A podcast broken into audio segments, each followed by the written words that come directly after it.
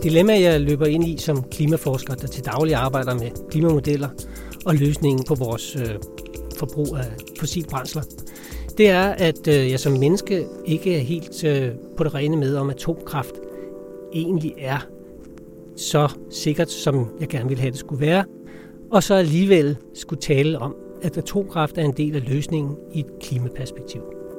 Jeg har billeder på nethinden af ulykken på Tjernobyl og på Fukushima. De er meget tydelige eksempler for mig om, at øh, atomkraft er andet end et energitilbud. Det er også en risiko, som vil være meget svært at leve med, hvis det bliver realiseret, eksempelvis i Danmark. Alligevel kan man ikke afskrive atomkraft, fordi det er jo på en klimateknisk side ideelt. Der er ikke nogen klimagasser forbundet med atomkraft. Videnskaben når sjældent frem til konklusioner med to streger under. Og ofte giver de resultater, forskerne kommer frem til, anledning til flere spørgsmål end svar, uanset om det handler om klimavidenskab eller sundhedsforskning. Jeg hedder Louise Skov Drivsholm, og jeg er journalist på Information. I den her podcastserie snakker jeg med forskellige forskere om nogle af de etiske dilemmaer, de står overfor i deres arbejde. I dag skal det handle om atomkraft, og om hvorvidt den form for energiforsyning er en mulig løsning på klimakrisen. Og det spørgsmål, det skal du hjælpe mig med at svare på, Jens Hesselberg Christensen. Velkommen til. Jo, mange tak. Du er professor i is og klima på Niels Bohr Instituttet ved Københavns Universitet. Og så er du med til at udarbejde den næste store hovedrapport fra FN's klimapanel IPCC, der udkommer i 2022. Og det er meningen, at den skal være rettesnor for mere end 200 landes klimapolitik. Er det ikke rigtigt forstået? Det er, det er tanken, ja. Så man kan sige, du ved med andre ord ret meget om den klimakrise, vi står midt i, og også om, øh, om mulige løsninger på den. Og en af dem, det, den skal vi snakke om i dag, øh, nemlig atomkraft. For de fleste, de har formentlig øh, hørt om atomkraft, og, og de så har måske også en, en, en holdning til energiformen. Jeg tænker, der måske er færre, der, der egentlig helt har styr på, hvad, hvad, hvad atomkraft er. Så Jens, kan du ikke prøve her indledningsvis at forklare, hvad atomkraft sådan lidt teknisk set egentlig er? Altså helt basalt set, så handler det om, at vi er inde om de atomare størrelser, som kernerne i, øh, i atomet. Niels Bohrs model er den, at man har en kerne, som består af protoner og neutroner, og udenom det er der elektroner, der kredser. Og uden at skulle gå alt for meget ind i det tekniske her, så er det sådan, at øh, nogle af de allertungeste grundstoffer, herunder uran, som vi kender som et, et af de her produkter, der skal indgå i at lave kernekraft, ja, det har, øh, kan jo undergå nogle forandringer, når der er tilstrækkeligt mange atomer sammen. Og øh, når det sker, så laver de en kædereaktion, hvor kernerne går sammen og spalter sammen til nogle andre produkter, hvorved der kommer rigtig, rigtig, rigtig meget energi.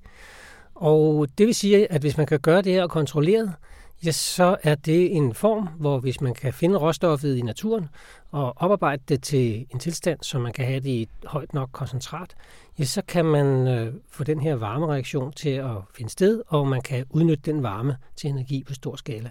Og det er sådan set det, der foregår i atomkraft, skåret helt ind til til benet. Så det handler om, altså om, at man på en eller anden måde behandler nogle atomer på en måde, så de skaber store mængder energi. Og det kan man så, ja, som amerikanerne gjorde under en verdenskrig, enten bruge til at bygge en bombe med stor kraft, eller man kan bruge det til at skabe energi. Er det rigtigt forstået? Ja, det er en proces, der i realiteten foregår hele tiden øh, ude i naturen, men vi kan øh, bringe det sammen og, og accelerere det lidt, sådan så vi får så stor energi ud af det, at vi kan udnytte det til alle daglige praktiske formål.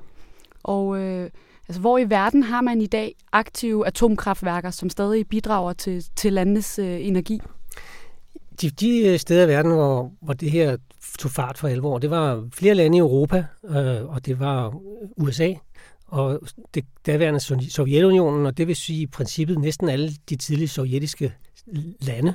Derudover så er et land som Japan i høj grad afhængig af, af atomkraft som, som primær energikilde, men også andre lande, inklusive for eksempel Sydafrika og andre udviklingslande, hvor man taler om, om atomkraft som en mulighed. Det er meget anvendt rundt om i verden, og, og også driftsikker.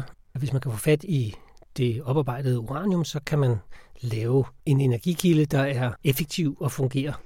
Men du sidder her jo også i dag, fordi vi skal snakke om et dilemma tilknyttet øh, atomkraft. Og, øh, og det vender vi tilbage til senere, og de forskellige argumenter, der er for og imod atomkraft. Men øh, Jens, hvis du først lige her sådan skulle sammenfatte helt kort, hvorfor er det så et dilemma at, at anvende atomkraft som en mulig løsning på, på vores klimakrise? Jamen atomkraft er jo udover at være en glimrende energikilde, har den den teknik, der er, det medfører, at øh, der er nogle, nogle affaldsproblematikker. Det er jo sådan, at det produkt er ikke kun energi, der kommer ud af det.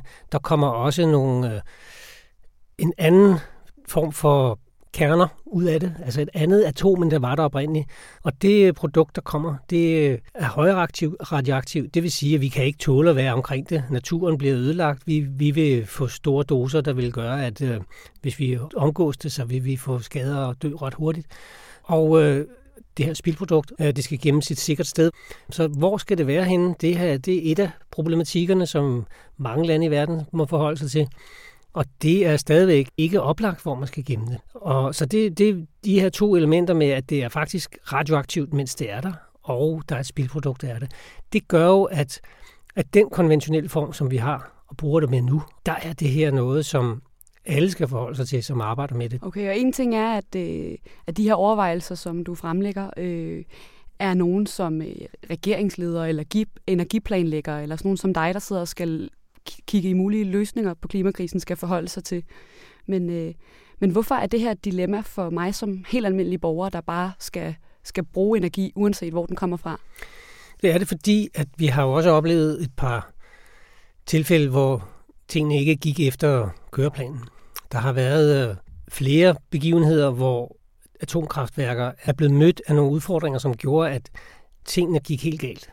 Hvor altså, for eksempel? Det første sted, hvor det, man er opmærksom på det, det er på noget, der hedder Three Mile Island, som er en amerikansk øh, atomreaktor, som kom ud af kontrol.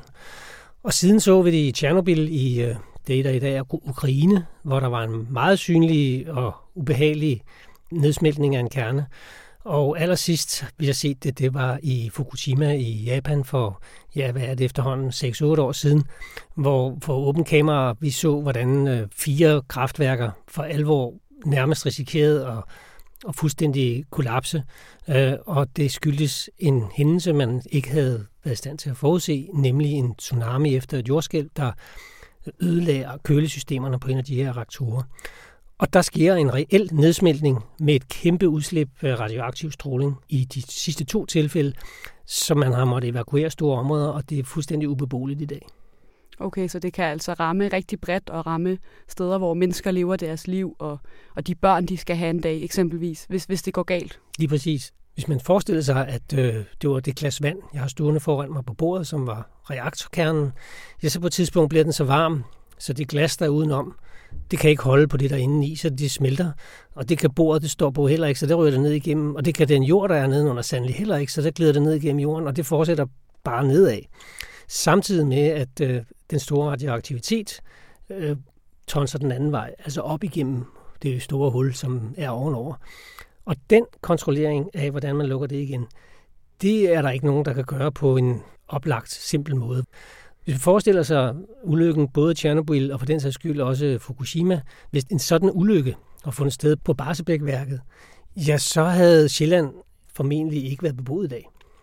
Det vil sige, at Danmark var reduceret til, at vi skulle flytte alt fra København. Vi skulle, alt skulle være transporteret væk. Vi skulle have, det er der ikke nogen, der har energi til at forestille sig.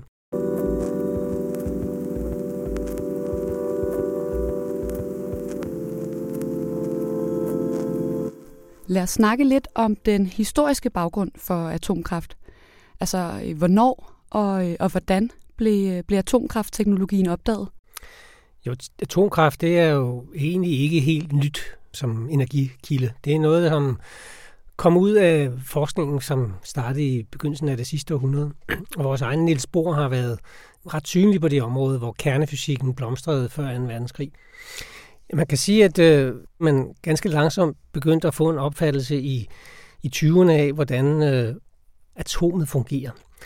De tekniske løsninger på det er man ikke klar over, for man, det, der blandt andet skal til, er, at man skal have op over en vis kritisk masse. Altså man kan ikke, det er ikke nok at have to uranatomer for at få processen til at gå i gang. Man skal have væsentligt flere.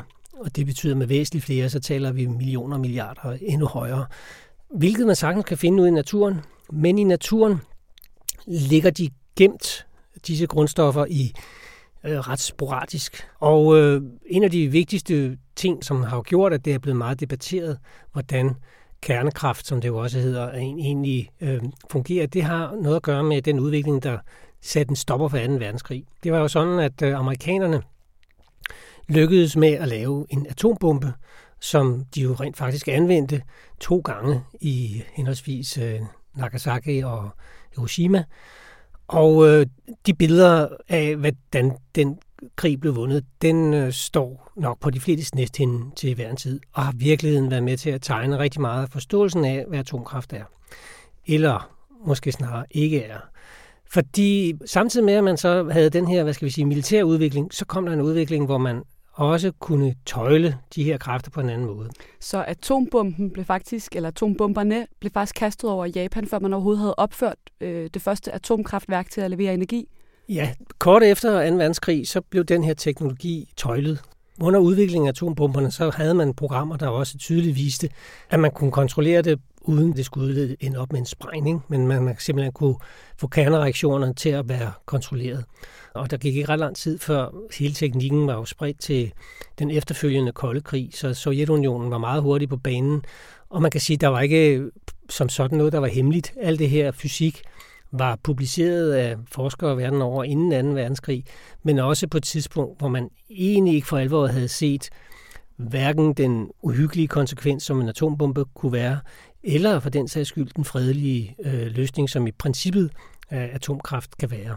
Så hele den her teknologi øh, har været drevet af militære formål. Der gik der ikke så lang tid, så begyndte kommersielle kræfter at kunne komme ind over os. Okay, så der har ligesom været sådan en, en tosporet udvikling af, af kernekraften. Man har på den ene side brugt det som et, et, et potentielt krigsvåben, man ligesom også kunne afskrække andre, andre lande med, og man har så på den anden øh, side brugt det som en øh, ja, fredelig energiform. Ja. Okay, men, men altså jeg er for ung til at kunne huske det, men, men når man kigger tilbage på, på billeder og historiske marches, eksempelvis i 78, hvor øh, 50.000 danskere gik på gaden i protest øh, mod atomkraft, så kan man godt få indtrykket, at den her energiform heller ikke blev opfattet som, øh, som super øh, fredelig. Atomkraft, nej tak-bevægelsen blev også øh, rimelig hurtigt global. Den var langt fra begrænset til Danmark. Hvorfor var modstanden så stor også imod atomkraft som øh, energiform? Det man kan sige, at det ene billede af, af Hiroshima-bomben, øh, tror jeg var printet ind på netvingen, og selv den dag i dag, og også med dig, som ikke har oplevet de her ting, du ved godt, hvad en atombombe ser ud som. Du har set talrige filmklip af den slags. Og det, det uhyggelige element er ikke fjernt. Og det har også været helt tydeligt, at det prægede debatten, at det var svært at adskille den, den militære udvikling fra, fra den civile udvikling. Uh, vi husker måske Barsebæk, som bare ligger på den anden side af Øresund, Øh, det var, gav meget stor protest i Danmark, og også længe efter de der 70'er ting, så fra dansk side har der været en interesse i at få Barsebæk ned. Øh, og det har selvfølgelig hængt sammen med risikoen for en ulykke. Altså det potentielle faremoment, det har fået mange til simpelthen at sige, det her kan jeg ikke se mig selv i, det, det behøver vi ikke. Hvad har den her øh, brede skepsis over, over flere årtier fået af, af konsekvenser, eksempelvis for, for opførselen og, og nedlukningen af, af nye værker? Jamen altså, man kan sige, at Danmark er et eksempel, hvor der blev truffet en, en principbeslutning om, at vi skulle ikke have atomkraft. Og der ved vi jo så, at vi blev hjulpet af, at man fandt olie i, i Nordsøen. Havde vi ikke fundet olie og gas, så Danmark effektivt har været et olie- og gaseksporterende land, ja, så er jeg ikke sikker på, at øh, diskussioner om atomkraft var, var ophørt. Øhm, og de steder, hvor det er så blevet over og kommet i øh, befolkningsbevidsthed, og hvor man har set protestbevægelser, det var, skal man også huske på, et tidspunkt i 70'erne, hvor miljøbevidsthed helt generelt øh, pludselig fik indtog. Altså det var ikke kun atomkraft, det var miljøproblematikker generelt, der begyndte at spire frem. Okay, så, så hvis vi så når spoler tiden helt frem til i dag, hvad, øh, hvad er det udbredte syn så på, på atomkraft, øh, eksempelvis blandt øh, fagfolk, såsom dine øh, kollegaer? Jamen, jeg tror faktisk ikke, der er et egentligt øh, udbredt syn. Hvis vi ser i Danmark, ud fra det synspunkt, at det har vi haft en principbeslutning over lang tid, så har det ikke været noget, der egentlig er debatteret videre. Så kommer det sådan lidt op nu her, vi har har fået en, en, en problematik, hvor vi kan begynde at se, hvordan det ser ud i klimaperspektivet, så begynder det ligesom at være noget, man måske skal forholde sig til. Men ellers har man kunnet bevæge sig udenom, og ikke skulle ind på noget, som er et øh, følsomt emne imellem, hvad man på den ene side synes og føler, og hvad man selv vil have i sin baghave, øhm, til øh, være noget, hvor man kan man sige, skal agere på. Men der har været en, i det bund og grund en stille periode øh, siden, før Tjernobyl, hvor det så er ligesom blomster lidt. Nogle regeringer har, har lagt pres på eventuelt at, at, at afvikle deres øh, atomkraftværker af hensyn til, at man vil undgå for enhver pris at have en Tjernobyl 2 eller sådan noget.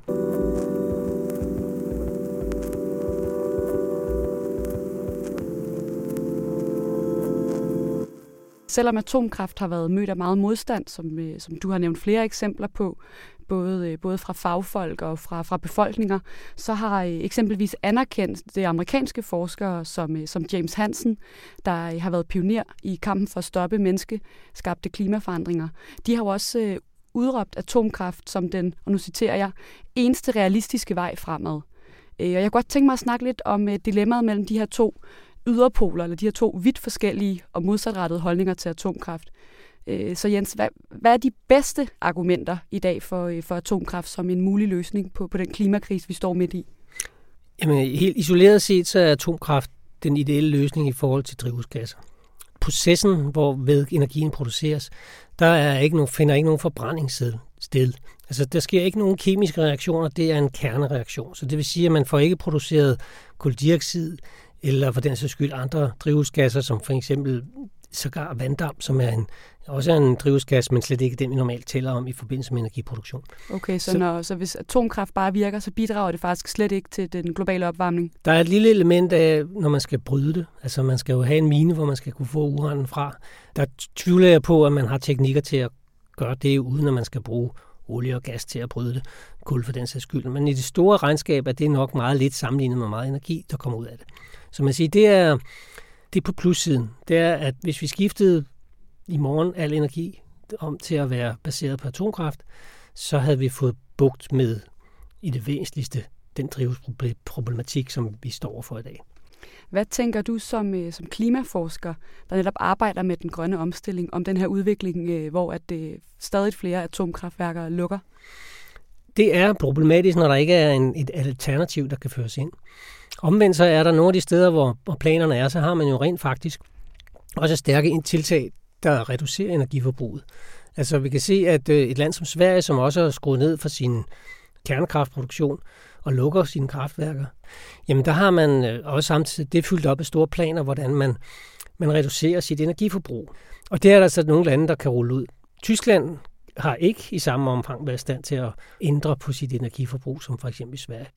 Nej, der kommer du mig faktisk øh, lidt i, i forkøbet på det næste spørgsmål, jeg vil stille dig. Fordi en ting er jo, at nogle af de lande, der, der lukker atomkraftværker, som f.eks. Sverige, der, der har lukket Barsebæk, jamen de kan omlægge deres energiformer, så, så skal de nok bidrage til de forskellige globale klimamål, vi sætter. Men i Tyskland, som du selv nævner, der er, er flere øh, atomkraftværker, der egentlig fungerede fint, blevet lukket ned. Og der har man kunne se efterfølgende, at øh, forbruget af kul og gas, altså de store syndere i forhold til den globale opvarmning, er steget altså, jeg tænker, er det så ikke bedre bare at bevare atomkraftværkerne? Jo, fra et klimasynspunkt, men fra det andet side af dilemmaet, som handler om nærhedssikkerhedsprincippet, så er en afvikling af atomkraft står også højt på dagsordenen. Så derfor er det jo naturligvis et dilemma. Og der kan man jo sige, at øh, der er mere end et problem i verden. Og øh, hvis man skal løse et, så skaber man meget ofte et andet. Og der er det her et af dem. Det er et af de her steder, hvor der findes ikke nogen øh, simpel vej. Man kan så sige, at øh, samtidig med, at Tyskland har valgt at gøre, som de gør, så har de jo dog nogle målsætninger, som handler om, at de skal nedbringe deres øh, fossilbrænselforbrug, selvom de laver den modsatte omstilling. Og det betyder, at hvis de lovgiver, som de har sagt, så kan de jo godt komme i mål med de her ting. Men man kan sige, at de har ikke gjort det lettere for sig selv på den konto. Nej, for du bliver ved med at vende tilbage til sikkerheden som det her primære argument for, at øh, atomkraftværker ikke bare sådan er den lette løsning på, på den grønne omstilling. Øh, men hvis man kigger på for eksempel øh, ulykken ved, ved kraftværket i Fukushima i Japan, som du også har snakket om, der var næsten 19.000 mennesker, der forsvandt eller døde som følge af den tsunami, der forårsagede ulykken. Øh, og der er indtil videre kun registreret ét dødsfald, der skyldtes ned, nedsmeltningen, og det var en, en mand, der sidste år døde af den, øh, den lungekræft, han fik af den radioaktive påvirkning. Så, altså, så frygten og, og sikkerhedsspørgsmålet i forhold til atomkraftværker, er det ikke overdrevet? Jeg tror ikke, det er overdrevet. Jeg tror, det der er i det, det er, at nu har vi set begivenheder, der gør, at der er et beredskab. Og det, det er selvfølgelig enormt vigtigt. Øh, Tjernobyl havde meget lidt beredskab, og der er mange flere mennesker, der kom galt af sted. Og, og Three Mile Island, jeg nævnte, den er, den er forbigået i stillhed nærmest, men der er altså også mennesker i USA, der fik kræft efterfølgende. Så, så man kan sige, at hvis man gør tingene op på den her måde, så er den kolde kalkyle, den siger klart, hvad man skal. Det tror jeg ikke, der er nogen tvivl om. Men det er sådan, at øh, ligesom vi i Danmark er begyndt at have diskussioner om, vi vil have vindmølleparker på land, og det ødelægger landskabet osv., hvor alle og enhver kan sige sig selv, at hvis vi alle sammen havde en vindmølle ude på marken, så havde vi for en gang for alle klaret det her problem. Men det gør vi ikke, og af flere årsager, vi vil ikke have dem stående på vores marker. Og det er lidt, lidt de samme ting her, det er, hvor kommer de holdninger fra, hvad er, hvad, hvad er på den ene side det rigtige at gøre, og hvordan er det egentlig rent praktisk, kan det implementere. Og det, det tror jeg, at det vi ser i de her situationer, altså det er, at man ikke, ikke vælger at sige, okay, vi har allerede et veletableret kernekraftnetværk, og det udbygger vi, men vi skruer ned for det, som man har gjort i Tyskland og i Sverige. Øh, og det er den vigtigste årsag, det er selvfølgelig, at der er nogle andre øh, dagsordner end lige præcis klimadagsordenen, som spiller ind. Okay, så atomkraft har ikke bare været øh, været offer, kan man sige, for sådan en, en, en politisk hets engang i, i 70'erne og i kølvandet på 2. verdenskrig, som gør, at vi har stiget os blind på alle det, det negative effekter. Der er også forskellige øh, både økonomiske og sikkerhedsmæssige årsager til, at det ikke er vejen frem, eller hvordan? De, de spiller jo med ind, men det er rigtigt, at det, altså, der er ingen tvivl om, at det har samtidig med været fastfrosset i den retorik, der var omkring, øh, hvordan man skulle diskutere øh, atomkraft for, for 50 år siden. Og hertil kan man jo så tilføje, at måske behøver atomkraft jo heller ikke at have den form, som vi kender. Altså, der er også sket noget på det her område. Der er, er nye initiativer, nye måder på vej, der gør, at øh, hvis man satser større, også forskningsmæssigt, så er det muligvis, at man kan finde nogle helt andre løsninger på atomkraft, end det, vi kender ved konventionelle kernekraftværker i dag.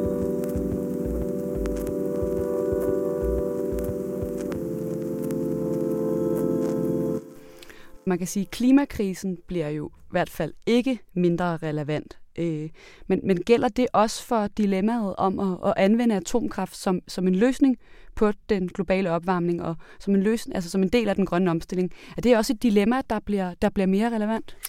Jeg tror, vi vil se, at vi får diskussionen åbnet mere op. For i takt med, at, at det gør op for vores beslutningstager på alle niveauer, at øh, der er ikke noget fix. Altså, klimaforandringerne, de er ikke klaret ved, at vi holder op med at spise røde bøffer, eller vi ikke tager på flyrejse. Altså, det er småting sammenlignet med at få lavet vores energiproduktion på verdensplan om fra kul og olie og gas til at være grøn energi. Og i den her sammenhæng er kernekraft også en grøn, fordi den spiller jo, som jeg har nævnt, ikke nogen rigtig rolle i, i drivhusgasregnskabet. Så, så derfor tror jeg, vi vil se det dukke op mere og mere igen.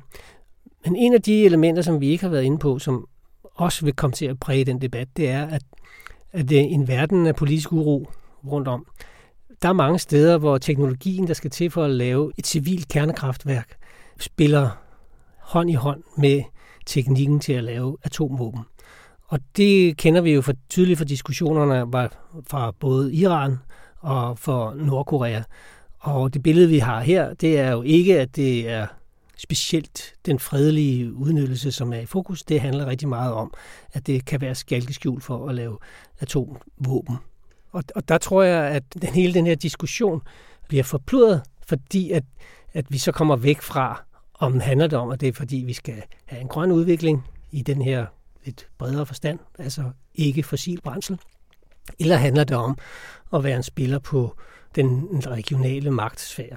Og det undgår vi ikke at tage højde for i de her diskussioner, fordi det er måske den anden del af dilemmaet, det er, at der er stor politik i det her. Nu nævnte du, at øh, i forhold til den her teknologi, at det måske bliver muligt fremover at gøre den mere sikker øh, eller, eller mere effektiv. Vil du ikke prøve at sætte nogle ord på, hvad er det, man hvad kigger på, og hvad, hvad er horisonten, tidshorisonten for det her? Man har fundet nogle andre af de her radioaktive stoffer, som også har de her egenskaber, men henfalder på en anden måde til noget, som ikke er så højt radioaktivt. Så det vil sige, at, at hvis man kan lykkes med at sætte det op i et system, så man kan udvikle energi, så kommer der ikke i samme omfang spildprodukter. Den anden ting er, at, at måden at hente energien ud er meget mere, i princippet mere kontrollerbar. Og med det kendskab, man har til det, så kan man simpelthen ikke forestille sig, at det kan lave den her form for nedsmeltning, som vi talte om før. Altså man, processen kan ikke løbe løbsk. Og sidst men ikke mindst, så kan selve denne proces ikke anvendes i de, den type kernevåben, vi kender i dag. Øh, man kan altid forestille sig, at nogen kan komme på nye idéer, og dermed komme frem til, at man kan udnytte det også mere brutalt. Men øh, som det ligger nu, så er der altså en mulighed for noget, der ikke har samme form for affaldsproblematik, og heller ikke problematik med nedsmeltning. Og hvor langt ude i fremtiden ligger muligheden for at, at rent faktisk realisere den her nye, sikre version af atomkraftteknologi? Altså, som jeg forstår det, er det, er det sådan, at det er stadig i sin spæde vorden, øh, og der mangler store investeringer i at lave det på forsøgsstadiet, så kan komme ud over, at man bare kan påvise, at det virker. Øh, så det vil sige, at forestille sig at lave det i en skala, der er så stor, så, så det rent faktisk kan være et kraftværk, der er et stykke vej. Og når man siger, når der er et stykke vej, så kan jeg jo kun relatere til, hvordan det plejer at se ud. Så plejer det at betyde, at man har for gennembrud af den her slags ting, så går der rask væk 15-20 år. Og det vil sige, det kan formentlig speedes op, hvis man øh, investerer voldsomt i øh, udviklingen. Det vil jeg tro kan ændre det. Så, så meget af det, det handler om, hvordan, hvordan prioriterer vi midlerne. På den lidt længere bane, så kan man sige, at så er der muligheden for at øh, distribuere den her teknologi. Den er jo så nemmere til stede, fordi det ikke har den her bagside med at kunne lave kernevåben. Men altså nu siger du i 15-20 år, måske lidt optimistisk spået. Vi står jo midt i at skulle akut omlægge vores energiforbrug, hvis vi skal nå alle de ambitiøse mål, vi bliver ved med at sætte for os selv i forhold til, til at løse klimakrisen, eller forvente udviklingen i hvert fald. Altså, er det tids nok? Det er jo ikke tids nok på det her skala, og det er sikkert heller ikke tids nok til at, at få det rullet ud, sådan så man kan sige, at det vil være på den skala, hvor det skal operere. Øhm, altså, for det er stort set af hele verdens energiforsyning, vi taler om. Jeg vil også sige, at hvis vi bare tager konventionel atomkraft, hvis den havde den lille tankelejr, at vi skiftede alt ud i morgen, ja, så er det meget bekendt godt også altså et par dage inden man har udpeget sted, hvor man kan anlægge et kraftværk, til man end sige starter at bygge det og har de første brændselselementer ind. Der kommer til at gå årtier. Så, så mange af de her ting, uanset hvad, så er de hurtigste løsninger, det er at bruge mere af det, vi kender, så langt vi kan. Og hvad er det mere af det, og vi det kender? Er, det, er, det er jo vind. Selv vindmøller tager jo sin tid. Men man kan sige, at det er noget, vi ved, hvordan vi skal gøre. Det kan håndteres. Og så tror jeg, hvis vi skal være helt ærlige, så er løsningen, det er jo, at alting kommer i spil i løbet af de næste 20 år. At vi ikke tror, vi kan klare alting nu. Det kan vi ikke. Meget af det må simpelthen være, at vi omlægger det, sådan så vi, når vi når de næste årtier, altså 30'erne og 40'erne, ja, så har vi banet vejen for, at vi rent faktisk kan implementere noget andet.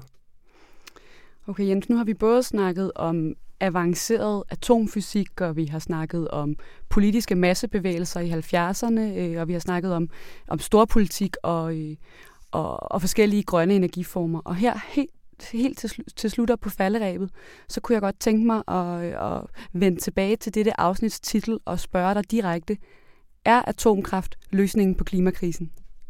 Atomkraft er ikke løsningen alene, men jeg mener, det er et, et bidrag, og det skal især ses på, at der er rigtig mange lande, der allerede bruger atomkraft. Så derfor er det jo en del af løsningen, om man kan lide det eller ej. Og der ser jeg, at de lande, der fører en politik, hvor de har atomkraft, de er hverken værre eller bedre end, end andre, som forsøger at lave en grøn omstilling.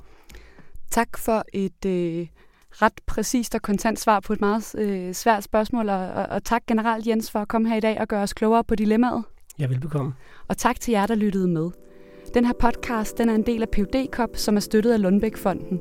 Du kan abonnere på podcasten i iTunes eller i andre podcast-apps. Og du kan blive endnu klogere på videnskabens verden i informationsnyhedsbrev Viden og i vores særtillæg Videnskabløb. Jeg hedder Louise Skov Drivsholm, og med i redaktionen var Anne Pilegaard og Astrid Dynesen. Musikken er lavet af Veronika Andersen. Vi høres ved.